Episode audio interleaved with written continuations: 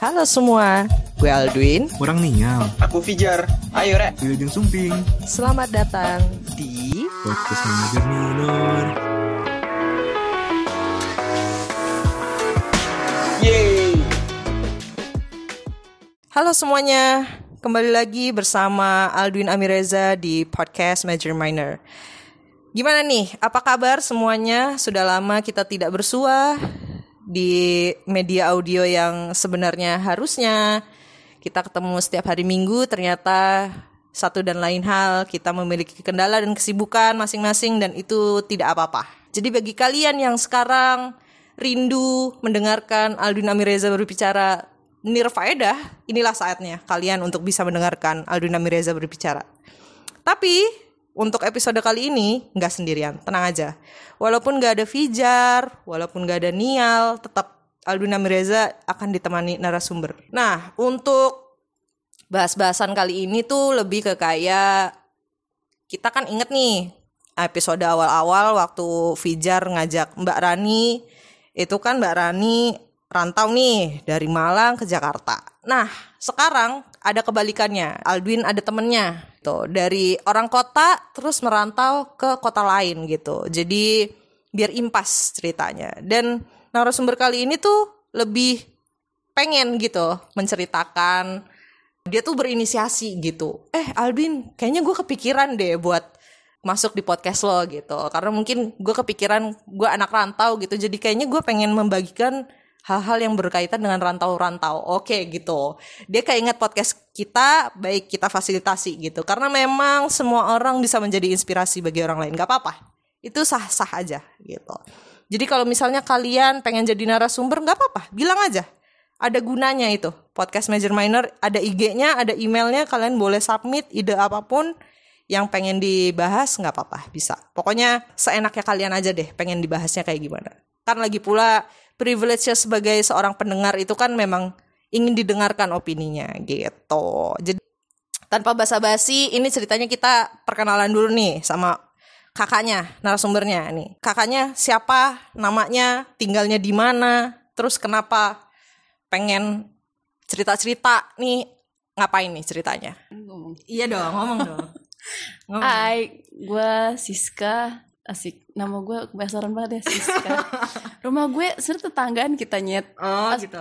Gak apa-apa, gak Oke, apa-apa, nggak nggak apa-apa ya. Slow, slow, slow. Udah slow. kebiasaan Iya. ngomongnya nyet. Mm-hmm. Eh, rumah di Reni di Pamulang ya agak susah sih nyari rumah gue emang ya tapi setidaknya di Reni Pamulang carilah gitu. Hmm.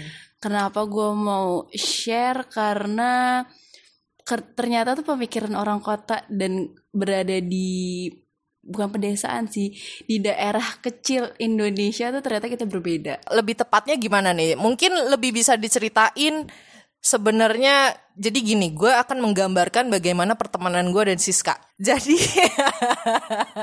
jadi ceritanya gue punya temen SMP. Ternyata temen SMP gue itu pacar si Siska ini. Tapi nyatanya gue lebih berteman dengan Siska daripada temen SMP gue. Jadi kayak gue lebih kenal temen temen gue yang baru yang notabene-nya pacar orang gitu. Tapi ternyata gue lebih klop sama ini orang gitu daripada temen SMP gue yang satu sekolah yang tiap hari bisa ketemu gitu. Jadi itu perkenalan singkat aja. Gimana gue kenal sama Siska terus Siskanya juga oh kayaknya klop banget nih gitu kan. Nah terus eh, si Siska ini eh, bekerja di salah satu perusahaan yang menuntut kalian yang mungkin berpengalaman ditempatkan di seluruh Indonesia. Siska ini pengen cerita-cerita bagaimana orang yang Jabodetabek yang selalu eh, disorot oleh media massa meminimalisir fasilitas yang ada di kota-kota besar. Ceritanya gimana nih? Pertama kali ngerantau dan mau-mau aja ngerantau tuh kenapa? Jadi kenapa gue pengen keluar kota tuh awalnya zamannya kuliah. Ku- Ya buat pendengarnya Aldwin kan Ah. belum tahu nih. Ah. Jadi tuh dulu gue kayak menggebu-gebu lah pengen kuliah di luar kota. Ya ya you know lah kayak masih anak muda, Anjay. pengen pengen menjajaki di dunia luar tuh apa gitu Ah. kan. Waktunya tuh kuliah ternyata keluarga nggak ngizinin tuh. Mm. Keluarga gue nggak ngizinin. Alhasil gue kuliah di Jakarta. Mm-mm. Terus abis itu emang emang jiwa jiwa melalang buananya ternyata dari bokap gue sama abang gue juga melalang buana. Akhirnya alhamdulillah ada rezeki lah kerja dapat di satu company. Gue kerja yang bisa menempatkan gue di mana pun. Akhirnya pertama kali gue ngerantau itu di Lombok. Selama tujuh bulan gue kerja di situ. Pertama gue berpikir oh Lombok Lombok masih asik lah, masih banyak wisatanya, masih tempat wisata lah gitu. Even lo bosen juga ada, dan itu wilayah masih kabupaten, masih banyak jajanan, walaupun agak sedikit shock sih kayak oh cuman gini doang gitu. Dan itu jauh dari mall dan ketika gue jauh dari mall itu gue kayak agak aneh gitu. Gue anak mall yang notabene Pamulang tuh deket sama BSD, deket sama Pondok Indah, kayak iya. lo mau lo mau ke Aeon, lo mau ke SMS, mau ke Ganjit, maksudnya even 30 menit lo bisa nyampe mall lah gitu kan.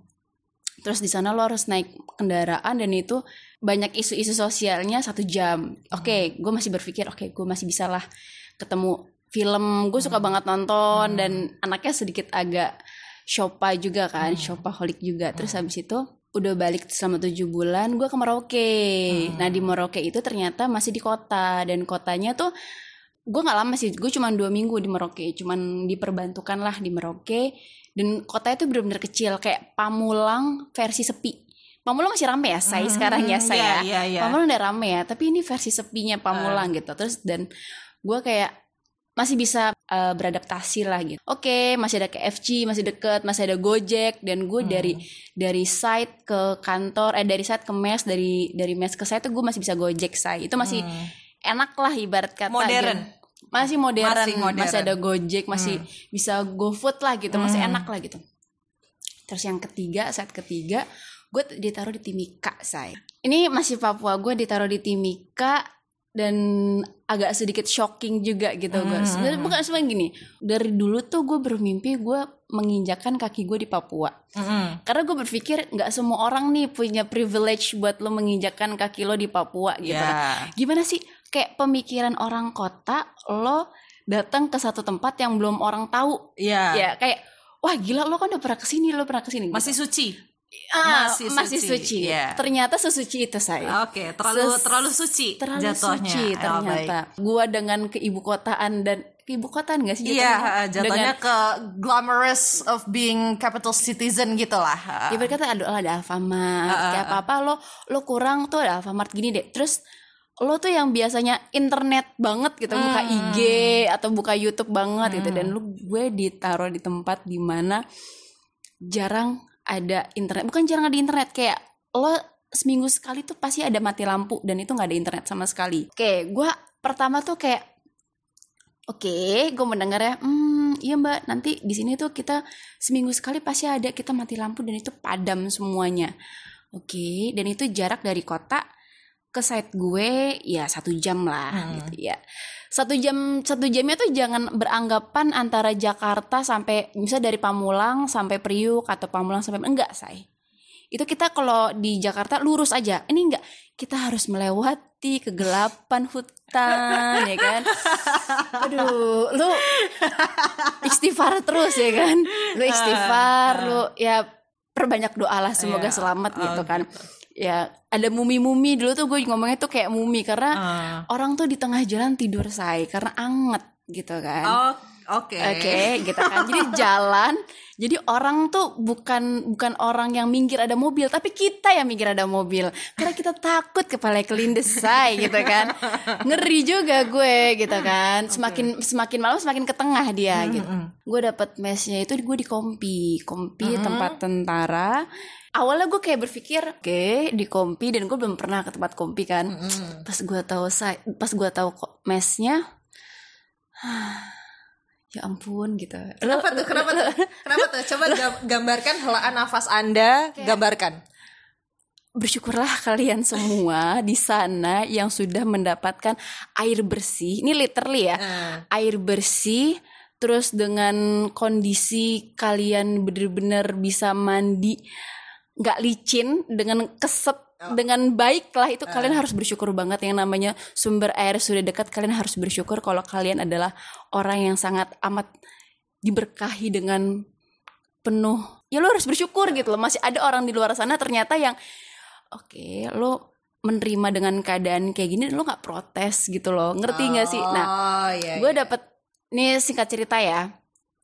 Gue kalau misalnya ke daerah tempat lain tuh gue menilai air karena menurut gue tuh air penting karena Iya. buat mandi Iya. buat cuci muka buat sikat gigit buat kebersihan kita dan ketika gue dapet yang kayak gitu pemikiran gue hanya satu apakah gue bisa bertahan gitu kan Oh iya. karena lo kalau nggak bersihin kamar mandi seminggu nggak bersihin kamar mandi tuh kayak lum, lumut say lumut terus kayak coklat ah, gitu ah, ya iya, iya. lo tau kan cewek kan kayak eh Eh, gitu iya. kan habis itu dari situ kayak gue harus bertahan mau nggak mau gitu Ah. tuh gue menerima hal kayak gitu terus ya gue enjoy aja Hmm. awalnya tuh gue seminggu seminggu pertama tuh bisa nggak ya gue lama-lama gue bisa gue bertahan 4 bulan say dengan lo mandi tapi tetap licin, say nah. Eh, eh. ketika gue pulang ke rumah dan gue merasakan kayak oh thanks God gue di ternyata Tuhan tuh masih baik sama gue gue bisa bisa merasakan air bersih tuh kayak gini gitu. Sedangkan mereka yang di luar sana mereka yang di tempat gue kemarin itu ternyata mereka nggak ngeluh tapi mereka tetap bersyukur. Jadi gue banyak oke harus bersyukur Siska jangan mengeluh. Masih banyak orang-orang di luar sana tidak mendapatkan air baik gitu. Lepas dari air suasana. Jadi deket hutan dan kalau gue ngomongnya ke- sama teman-teman gue aja gini kita di Timika aja sebelum ada corona kita udah double kill double killnya itu karena malaria pertama kedua OPM OPM what is OPM? apa ya nyet singkatannya pokoknya tuh kayak eh, Eh, teman-teman bisa Google sendiri ya karena kita agak agak bodoh nih kayak double combo bodoh gitu loh. Sorry, sorry banget. pokoknya nggak satu misi sama negara Indonesia lah dia gitu kayak pemberontak pemberontak Oke. gitu. Itu di- kita udah double kill gitu kan karena tiba-tiba aja ada yang ditembak mati gitu tanpa kita tahu mereka siapa gitu. Udah double kill banget kan udah malaria OPM kalau corona triple kill say. Oh, udah gue langsung kayak wah gila cong. Gue udah di sini udah double kill tanpa corona triple kill nih gue. Eh namanya juga resiko ya say. Namanya kerja.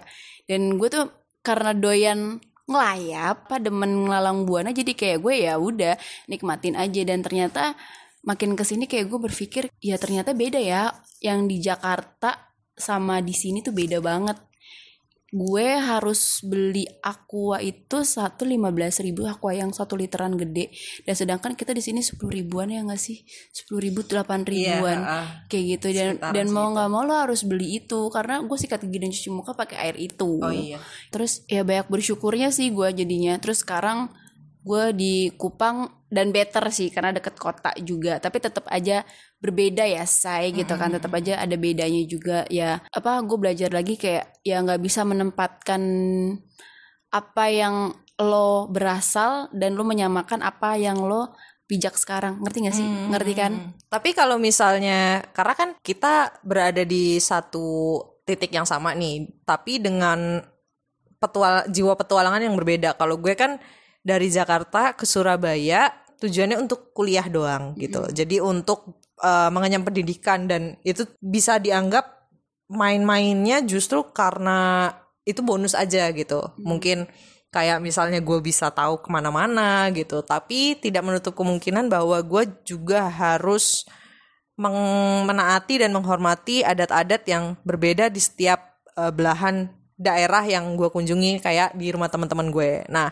kalau misalnya lo sendiri gimana nih? Karena kan ini segmennya adalah profesional, bekerja gitu. Mungkin ada nggak sih nilai-nilai yang oh ini kayaknya gue lebih cocok sebagai orang Jakarta yang mungkin individualismenya tinggi atau ketika gue di Kupang gue tuh harus kayak gimana dan orang-orang Kupang lokalnya tuh seperti apa itu kayak gimana akulturasi budayanya yang lo dapet dari perbedaan Jakarta dan Kupang tuh kayak gimana? Kalau misalnya Jakarta dan Kupang, gue belum begitu ngeliat signifikan ya karena gue juga belum bekerja langsung dengan orang lokal gitu. Mungkin ke Lombok sama di Timika yang di mana gue punya temen orang lokal juga. Kuncinya adalah lo selalu menjadi orang baik dan mau dan lo menerima apa pun yang terjadi dalam lingkungan lo. Jadi misalnya lo membawa suatu sikap lo yang ya mau nggak mau lingkungan gue harus ngikutin gue. Itu nggak bisa. Kalau misalnya lo dengan berprinsip lo harus kayak gitu lo nggak bisa namanya mungkin ada orang mikir bisalah buktinya gue udah ke mana-mana gitu. Misal, buktinya gue udah ke negara ini negara itu tempat ini tempat itu gitu. Mungkin ada orang berprinsip kayak gitu. Tapi menurut gue adalah ketika lo datang ke satu tempat gitu maksudnya tempat asing dan notabene lo nggak tahu lo nggak tahu mereka siapa dan lo nggak tahu tempat itu tempat apa ya gue ngasih advice nya jadi lo menerima apa pun yang ada di lingkungan itu dan lo menjadi orang baik dan bener-bener down to earth lo jangan pernah angkuh gitu. Karena ketika lo keangkuhan lo udah ditunjukin dan orang nggak suka itu menurut gue ya lo lo gimana sih? Kasar gini lo pendatang ke sini terus lo mau environment di sini tuh ngikutin lo itu nggak bisa menurut gue gitu. Oh, dunia- paham kan? Dunia nggak berputar di lo doang. Ah iya, jadi eh, dan gue punya prinsip adalah lo harus hidup di mana kaki lo berpijak. Ketika lo bisa menegakkan kata-kata itu dan lo bisa menjalankan prinsip itu, ya dunia bakal ngikutin lo. Hmm. Tapi lo juga harus serendah mungkin di hadapan dunia gitu. Oh iya iya. iya. Dapat kan? Benar benar benar. benar, Dapat kan benar, ya benar. kayak gitu sih. Jadi lo nggak bisa mengikuti apa yang sebelumnya lo lakukan di negara asal lo, tapi lo mau semua orang semua orang mengikuti lo itu nggak bisa menurut Iya. gue. Tapi karena gue bekerja dengan orang yang dari macam-macam Dan suku budaya. dan budaya, jadinya tuh kayak gue belajar gitu loh. Oh si A tuh dari ini karakternya tuh begini. Oh Hmm. si B ini dari dari sini karakternya begini. Gini loh. Gue sama lo, kita sama-sama dari dari dari Jakarta, dari Hmm. Pamulang, dari Reni. Tapi pemikiran gue sama lo kan pasti berbeda. Walaupun berbeda kan tapi satu ada satu poin kita yang sama. Hmm. Dan satu poin yang sama itu jangan jadi satu patokan. Oh, ini loh orang Pamulang tuh kayak gini. Oh, biar nggak stereotip. Ah, kan kebanyakan orang, oh dia tuh orangnya kayak gini loh, jangan temenin orang kayak gini. Terus ada lagi orang lain, misalnya, let's say, sorry, orang Pontianak. Kayak misalnya gue gue random ya, misalnya kayak orang Pontianak. Oh, dia ini orang Pontianak loh, kayak gini. Eh, sifatnya begini, gini, gini, gini. Terus ada orang Pontianak lagi datang. Lu tuh gak bakal bisa ngejudge satu satu sifat orang berdasarkan suku dan budaya karena lu gak bakal tahu pola pikir orang Ih, balik lagi ke pola pikir sih jatuhnya ke pola pikir lo harus memperbaiki pola pikir lo di saat lo ingin dihargai pola pikir lo. Intinya sih gitu sih kalau yang gue gue ambil. Tapi ada nggak culture shock yang menurut lo eh, ini tidak diaminkan, tidak bisa diaminkan ketika di mana pun lo gitu. Kayak misalnya cara untuk bisa menghargai orang lain tuh mungkin tidak relatable ketika lo berpindah ke suatu tempat ke tempat lainnya itu ada nggak kayak fenomena kayak gitu? Misalnya kayak lo ketemu salah satu kolega lo yang dia membenarkan hal yang salah terus ternyata itu memang adat istiadat dan budaya yang sudah diajarkan itu pernah nggak kayak gitu? So far gue masih belum ketemu sih. Alhamdulillah belum ketemu. Jadi so far gue melakukan hal yang menurut gue masih sopan ya masih merasa gue masih belum apa-apanya dia sama yang di depan gue kayak masih merendah mereka kayak oh iya mbak gitu. Masih masih menghargai gue jadi gue menghargai mereka mereka pun juga menghargai gue. Jadi sama-sama menghargai walaupun kita beda suku beda agama beda beda eh beda keyakinan apa pun itu be- kebedaan. Asalkan kita sama-sama menghargai itu mereka sama-sama tetap menghargai. Dan gue meng dan gue menjunjung tinggi hal itu selagi gue masih bisa menakarnya ya. Karena kayak gue juga ngeri ngeri sedap say gitu kan. Karena ya lu tahu kan gue ngerantau buat nyari uang nyari nyari experience gue kurang ajar tiba-tiba gue dipegal hampir rumah tinggal nama doang. Kan gak enak juga kan kalau misalnya kayak gitu. Jadi sopan santun sih ya memang harus ya kalau menurut gue. Jadi alhamdulillah sih belum nemu sih. Oke. Oke. Terus untuk kita kan udah ngomongin budaya. Nah, tapi ada nggak ketika eh, di satu titik ini kan lo sudah merasakan perbedaan antara kota dan tidak kota lah. Ada nggak satu titik di mana lo kayaknya ah gue pengen lebih enak aja nih hidup gue. Gue lebih milih di Pamulang karena di Kupang di Timika gue nggak dapet ini gitu. Itu eh, selain privilege kebersihan air dan lain sebagainya mungkin kayak fasilitas mall dan makanan itu lo lebih memilih Pamulang karena apa? gue memilih Pamulang karena teman-teman gue di sini semua sih saya ya kan? Mohon maaf dari saya dari saya brojol lah saya gede di sini gitu kan? Nggak ada alasan lain gitu kan? Tapi diri gue tuh butuh berkembang gue berpikir gitu. Ya maksudnya gini oke lah karena gue brojol di Pamulang dan gue besar di Pamulang gue pasti tahu seluk beluk orang-orang Pamulang kayak gimana.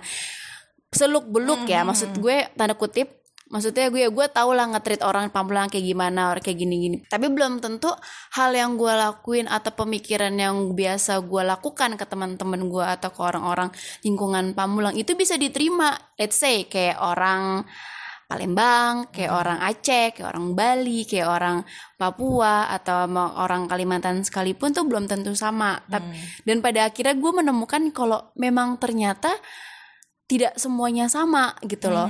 Menurut gue adalah pola pikir orang kota adalah terlalu simpel gitu. Ya udahlah, lo bikin simpel aja. Kenapa sih hal kayak gitu lo ribetin kayak gitu Oh, loh? iya, iya, iya. Ya kan? Iya, iya, iya. Kayak ibaratnya gini deh, lo mau makan lo ngantri, habis itu udah dapat, udah ngantri karena emang itu udah jadi kebiasaan Budaya, kan, udah jadi kebiasaan kita ngantri, terus habis itu dapat bayar baru makan. Hmm. Atau mungkin ada di tempat wilayah lain, ya lo makan dulu, nggak usah pakai ngantri, lo ngambil sendiri, baru bayar atau gimana kan nggak kan Iya, beda-beda kan caranya nah dan dan hal-hal simpel kayak gitu sih gue berpikir oke gue harus belajar gimana sih caranya orang lain itu berpikir dan Hmm. gimana cara orang lain itu bertingkah laku karena gue berpikirnya gini loh gue mau jadi orang yang mempunyai sudut pandangnya tuh kayak lebih Terbuka, idealis idealis. Oke. Hmm. sama gak sih Enggak dong. Kalau idealis kan itu berpaku pada lo doang, idealis. Jadi ideologi yang lo punya itu harus diaminkan oleh semua orang. Itu ide- idealis. Tapi kalau terbuka itu bagaimana lo menghadapi posisi yang memang harus lo terima tapi lo tidak merasa repot-repot untuk merasa tersinggung. oh, oke oke terbuka berarti kalau gitu Iya. Jadi gue berpikir ya seperti itu gitu. Lo mau, gue berpikir lo mau maju, tapi lo tidak mau memajukan diri lo, itu susah, Iya, iya, iya, iya. iya kan? Iya, iya, iya, iya. Lo mau bikin usaha nih, tapi lo nggak mau tahu nih usaha lo apa yang mau lo buat. Lo nggak mau research nih, harusnya gue harus pakai ingredients apa, bahan-bahan apa dan bumbu-bumbu apa yang enak. Kalau lo nggak mau research kayak gitu, lo nggak bakal bisa maju. Gue berpikir gitu. Simple things aja deh kayak gitu. Jadi kayak gue pengen nih diri gue kayak dengan pengalaman gue. Jadi gue apa yang gue harus lakukan adalah ya gue memperkaya diri gue dengan hal-hal attitude kayak eh, mungkin attitude gue juga belum baik-baik banget ya say tapi berusaha menjadi baik boleh kan? Boleh, Eh, boleh, boleh, kan? Namanya boleh. manusia kan tetap Iya, harus berubah setiap Iya. Mm-mm, gitu. Ya gitu aja sih gue berpikirnya simple aja. Ya itu pemikiran simple gue lagi Hmm. gue bilang itu sih perbedaannya sih gitu yang gue menemukan. Mereka lebih agak berpikir lebih ke budaya sedangkan kita kayak oke. Make it simple. make it simple tapi boleh ada budaya dikit ya say kalau ribet gue nggak mau. Nih Ah, gitu ibarat kata gitu lah. Toto kromonya boleh tapi kalau misalnya ada yang agak Hmm. kayaknya Kebanyakan deh stepnya. uh, uh, kayak kalau di dikit dikit boleh nggak? Inti intinya boleh, Boleh, tapi boleh. agak kebanyakan kayaknya ribet ya Ah, say ah, gitu ah, lah ah, gitu. iya, kalau iya, kalau iya. kita kan lebih kayak gitu. Tapi kalau mereka kayak ya udahlah ngikutin orang tua aja ya Hmm. udahlah gitu. Ya nggak ngerti kan setiap orang beda-beda ya say jadi kayak Oke, tadi sempat menyinggung bahwa ada hal-hal yang memang ketika kita berusaha untuk maju itu kan ada step-stepnya, ada bahan-bahan tertentu yang harus kita lalui. Tapi apakah lo merasa ingin menjadi berbeda ketika lo mau berkembang? Misalnya lo tetap menggunakan trademark lo sebagai penduduk Pamulang yang bijaksana, namun tidak serta-merta lo menjadi penduduk Pamulang yang angkuh ketika lo berada di Kupang atau di Timika atau di Lombok, lo eh, merasa butuh menjadi seseorang yang berbeda nggak ketika lo di tempat lain? Karena kan intinya ini kita self development nih, gitu kan. Kita keluar dari zona nyaman, kita ketemu orang-orang baru, kita berada di lingkungan yang baru yang menuntut kita sebagai orang yang baru juga dalam tanda kutip. Tapi lo merasa bahwa lo butuh menjadi orang yang beda nggak? Jadi maksud gue bedanya lebih ke kayak di tengah-tengah gitu, in the middle of being Pamulang citizen dan being a local citizen ketika lo memijak bumi yang lo tempati sekarang gitu. for honestly gue malah nggak suka dibilang apa ya orang kota Oke, oke menarik. Iya, karena orang tuh pasti menjudge dan udah kayak, oh lo orang kota nih, kehidupan lo glamour, lo pasti maunya yang branded branded, ya you know, Ah, iya, iya, ya iya, kan? iya, iya. Ya kayak, oh pasti lo ngomongnya agak-agak British agak-agak ngomong-ngomongnya kayak Jakarta Selatan gitu ada dari selatan pasti sedikit-sedikit ngomong bahasa Inggris bla bla bla bla. Iya juga sih gue kayak gitu. Tapi nggak usah gitu juga. Ngerti nggak iya, sih? iya, kayak iya, iya. karena ini lingkup ini lingkup kerja dan gue bakalan mengikuti alurnya gitu gitu loh jadi tengah-tengah sih jatuhnya Hmm. Iya, gitu iya. di saat gue nelpon sama lo di saat gue telepon sama teman-teman gue ya gue being myself gitu jadi gue orang orang pamulang gitu. Hmm. tapi ketika gue udah lepas udah matiin telepon gue ketemu sama teman-teman gue ya gue menjadi teman-teman gue. Beda kalau misalnya have a relationship ya. Hmm. Iya. lo harus tahu gue harus tahu gue posisi gue di saat gue di rumah dan di saat gue udah di kantor gitu di site gitu. Lo harus tahu keduanya gitu. Lo nggak boleh tahu sisi gue menurut gue seperti itu. Dan gue nggak suka dijudge jadi oh nih orang kota nih dia. Woi orang kota. Karena intinya gue nggak suka sih dibilang gitu Tapi gue merasa eh, itu berasa sih di gue juga. Jadi selama eh, ini mungkin cerita singkat untuk flashback karena udah sempat gue bahas juga di episode beberapa episode sebelumnya yang memang gue tujuannya ke Surabaya hanya untuk berkuliah saja gitu. Tapi gue tidak menyangka bahwa sosialisasi yang tumbuh bersama adat istiadat lokal dan bertemu dengan berbagai macam background budaya pun juga membuat gue merasa justru rasanya asing sih menurut gue untuk bisa merasa bahwa identitas gue sebagai anak Jakarta gitu. Oh ini ya yang dari Jakarta gitu kayak gue waktu itu pernah inget banget eh, ada teman sekelas gue yang memang inget banget kalau gue adalah satu-satunya anak Jakarta di kelas itu karena memang notabene di kampus gue itu adalah Jawa Timur oriented, Jawa sentris lah istilahnya gitu. Tapi kita semua tahu dan itu bukan rahasia umum ketika Jakarta itu kayak eh, dalam kutip mengasingkan diri sebagai penduduk Pulau Jawa gitu loh. Padahal kayak sangat disayangkan dan sangat salah menurut gue ke- ketika orang Jakarta ngomong oh ini orang Jawa ya gitu kayak gue gue skip banget sih sama orang-orang kayak gitu. Gue bener-bener kayak karena gue mengalami bagaimana gue tumbuh lama selama lima tahun dan tiap hari berkomunikasi dengan orang Jawa yang kalian bilang ya tolong ya orang Jakarta gitu kan. Tumbuh dan berkembang dengan pola pikir yang membuat gue merasa beda dan gue lebih self acceptance kepada orang-orang yang budayanya juga membentuk gue sebagaimana gue gitu. Tapi gue tidak merasa membedakan diri gue ketika gue di Jakarta tuh gue harus seperti orang Jawa pada umumnya dengan kultur eh, Jawa yang halus dan menghormati orang. Ketika gue menjadi penduduk Jakarta gue harus congkak individualisme tidak peduli satu sama lain angkuh acuh ya kalian sebutlah apa pun itu yang memang kalian mungkin rasakan.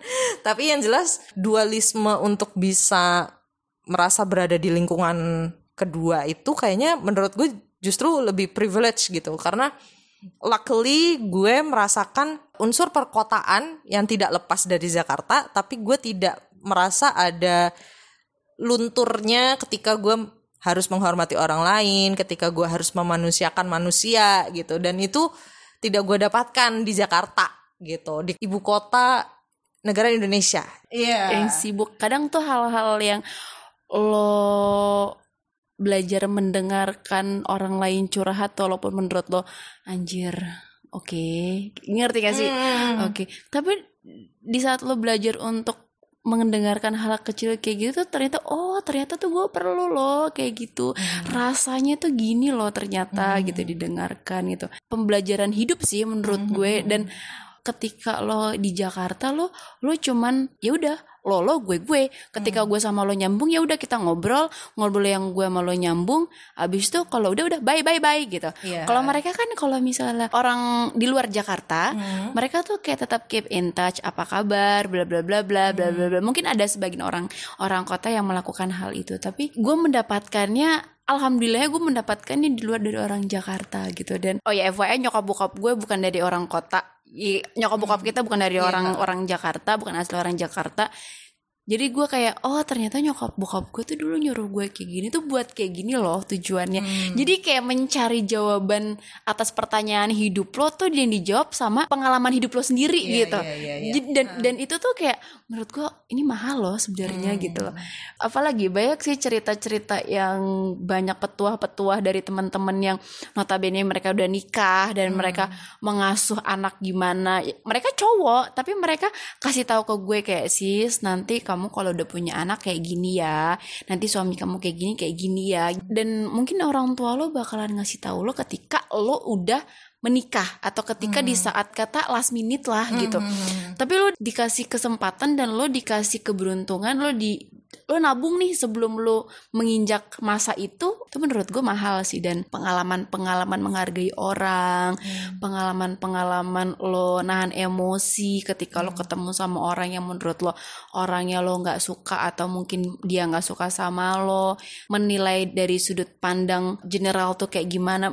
Hal-hal yang menurut gue nggak ada kurikulumnya tapi itu penting gitu. Iya, iya, iya, iya. dan gue belajar adalah nggak semua orang pinter itu bisa menghargai orang. Yes. jadi lo nggak butuh pinter untuk menghargai orang. Lo cukup respect sama orang. Wah keren sih. Lo bisa respectful sama orang tanpa lo ada dendam apa pun. Dan lo tetap fine ketika lo ada masalah itu susah loh. Dulu gue masih tahap belajar sih. Hmm. Begitulah guys. Jadi apa ya? Kalau boleh dibilang ya, ini ini mungkin agak sedikit menyinggung bahwa mungkin ada beberapa dari kalian atau mungkin dari teman-teman kalian atau mungkin kalian sendiri yang mempunyai keinginan untuk bisa merantau tapi kalian tidak punya privilege itu nggak apa-apa. Kalian tetap akan harus mencari tahu bahwa dunia tidak selebar daun kelor dan kalian akan punya kemampuan untuk bisa merasa explore dari sisi lain mungkin teman-teman kalian yang merantau tapi kalian mungkin kepengen merantau tapi ternyata diwakilkan oleh perasaan-perasaan mereka. Atau mungkin kalian memberi rumah bagi teman-teman kalian yang rantau di tempat-tempat kalian gitu. Itu nggak apa-apa. Lebih ke kayak kita belajar masing-masing aja gitu tanpa merasa harus berkurang karena kita memberi gitu. Asik gila gila gila gila gila. Udah agak ini ya udah anda udah nguap. Pandai ya. Pandai pandai. semakin semakin ending semakin pandai gitu. FYI gue jadi selama di daerah jadi bisa beberapa bahasa daerah sih nggak bisa kayak logat-logat Oh, gitu, Iya, kayak iya. tabe gitu, Ya, gitu. berembe ya buat yang orang Lombok gitu kan. Kalau bahasa-bahasa Papua tuh apa ya? Sumakan tuh atau gimana Asik. gimana. Tapi gue dulu pengen dijodohin sama orang Sorong kalau nggak salah kayak udah lu mau gue kenalin gak sama orang Sorong? Oh my god, kenapa ya? Karena logat lu udah udah mirip sama kayak orang lokal. Oh masa gue bilang gitu.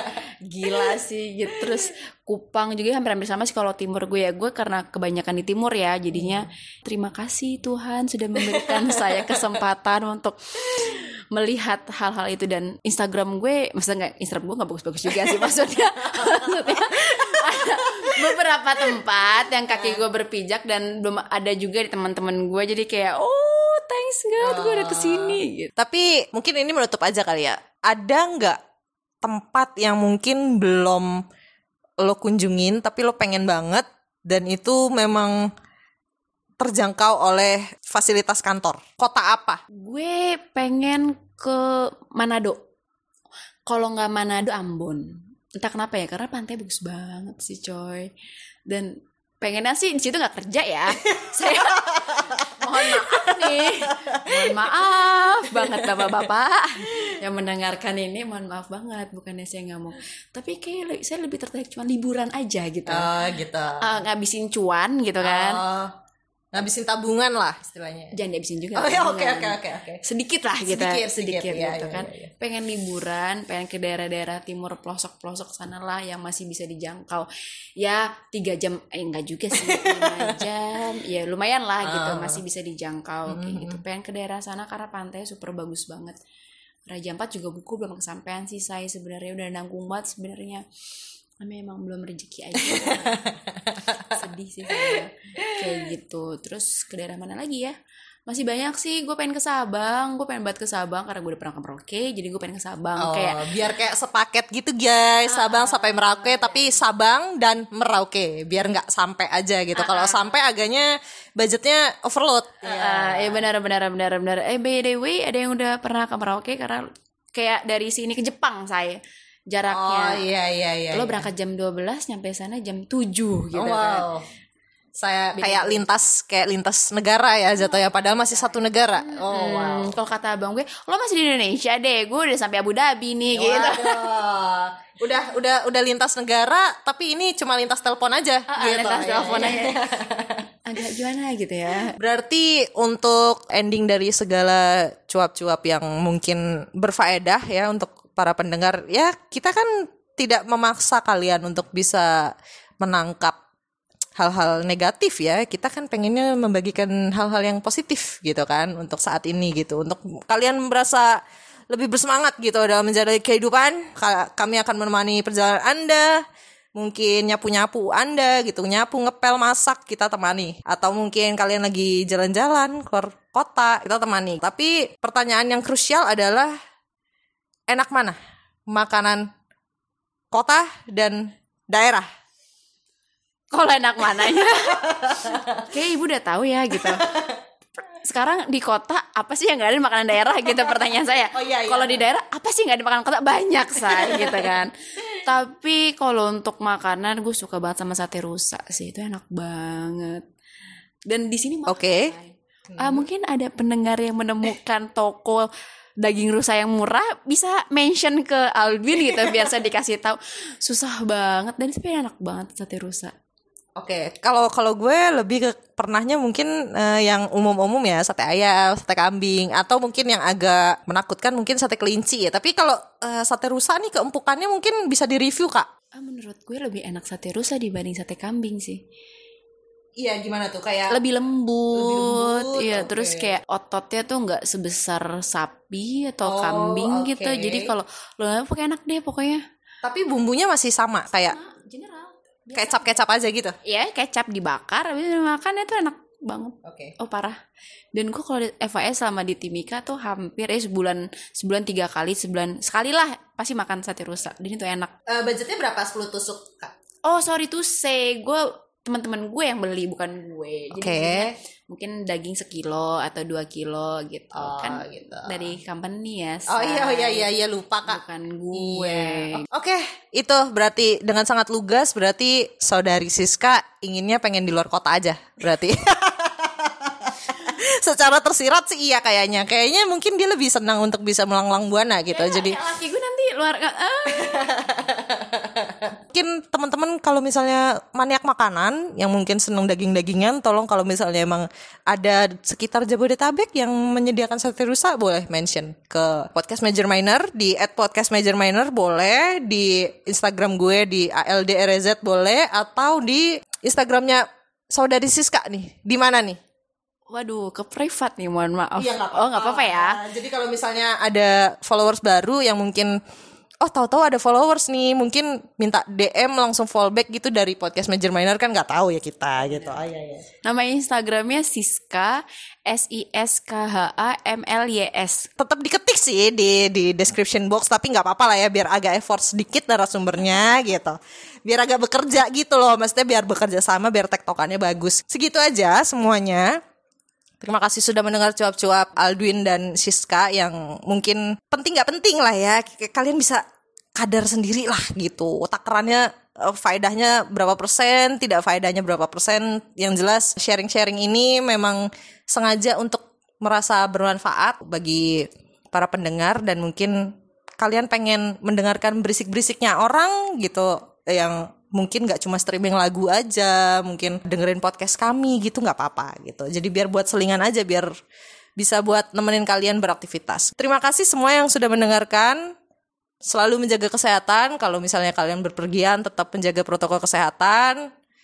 Semoga sehat selalu. Pokoknya best deh. Ya Allah. Yes, deh. Oke, God bless you. Terima kasih Mbak Siska yang sudah merasa ingin membagikan cerita gitu karena orangnya sendiri yang pengen dan keingetan kegunaan podcast Major Minor adalah membagikan sesuatu hal yang inspiratif dan dia merasa bahwa dirinya inspiratif. Jadi sebenarnya gue kangen sama Alvin untuk cerita Ah, aja iya. sih tapi sebenarnya kesampahan tadi itu sebenarnya udah denger semua tetap sehat selalu pokoknya di mana pun kalian berada. Selamat pagi, selamat sore, selamat siang karena ini bisa di play kapan pun dan di mana pun. Selamat malam Oh, selamat malam. Oh iya, selamat malamnya belum karena sekarang kita lagi tappingnya malam-malam gitu. Selamat beristirahat atau selamat beraktivitas pokoknya terserah kalian gitu. Semangat selalu. jangan sedih percayalah kalau misalnya kesedihan itu akan berlalu nak Anjay. itu adalah petuah bagaimana dia mengingatkan dirinya sendiri dan itu terlontar begitu saja. semangat. semangat, semangat. Pokoknya semangat. Terima kasih semuanya. Dadah. Sampai jumpa lagi di episode podcast Major Minor selanjutnya. Dadah.